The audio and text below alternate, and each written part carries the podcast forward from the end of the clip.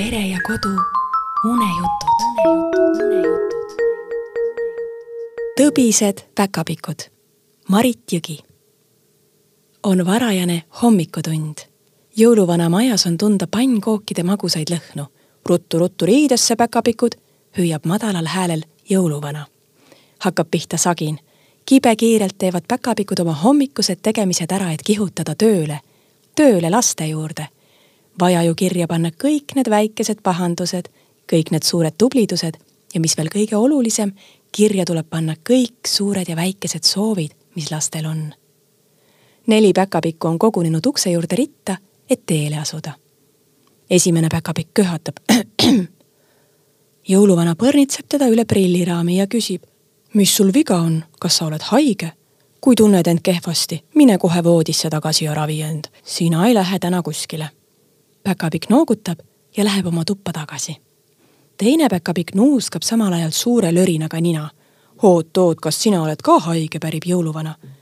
päkapikk noogutab häbelikult ja suundub juba teadlikult oma toa poole. kolmaski päkapikk tundub jõuluvanale imelik. tütarlaps, mis viga, imestab jõuluvana mul on nii paha olla, vastab päkapikk kohmetult. jõuluvana juba taipab, milles asi. Ka see päkapikk on külmetanud ja vaevleb palaviku käes.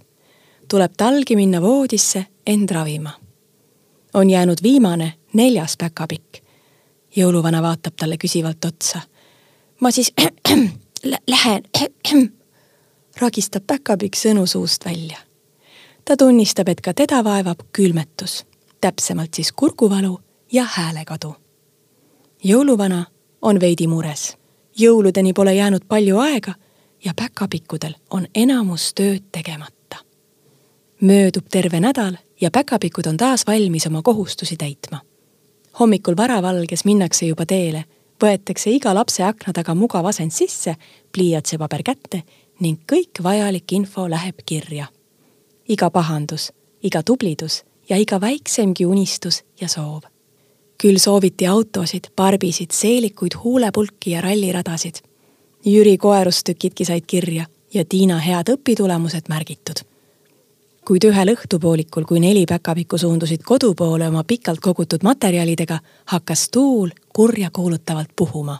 puhus nii tugevalt, et päkapikud lendasid uperkuuti, kotid risti-rästi, tähtsad paberid kotist välja ruttu-ruttu korjati paberid kokku ja liipati koju. Aga küll kodus oli nüüd sagimist, kõik laste soovid olid sassi läinud. mis soov kellele kuulub, mis pättus on kelle oma, kes on tubli olnud? ükshaaval hakati neid mõistatama ja puslet kokku panema. mis teil jälle juhtus, väikesed päkapikukesed, tuli jõuluvana uurima päkapikud vuristasid läbisegi ja elavalt tuulekoerustükist, mis nende suure töö sassi oli ajanud rahu, rahu, kinnitas jõuluvana. Teil on täpselt kaks päeva aega, et asjad korda ajada.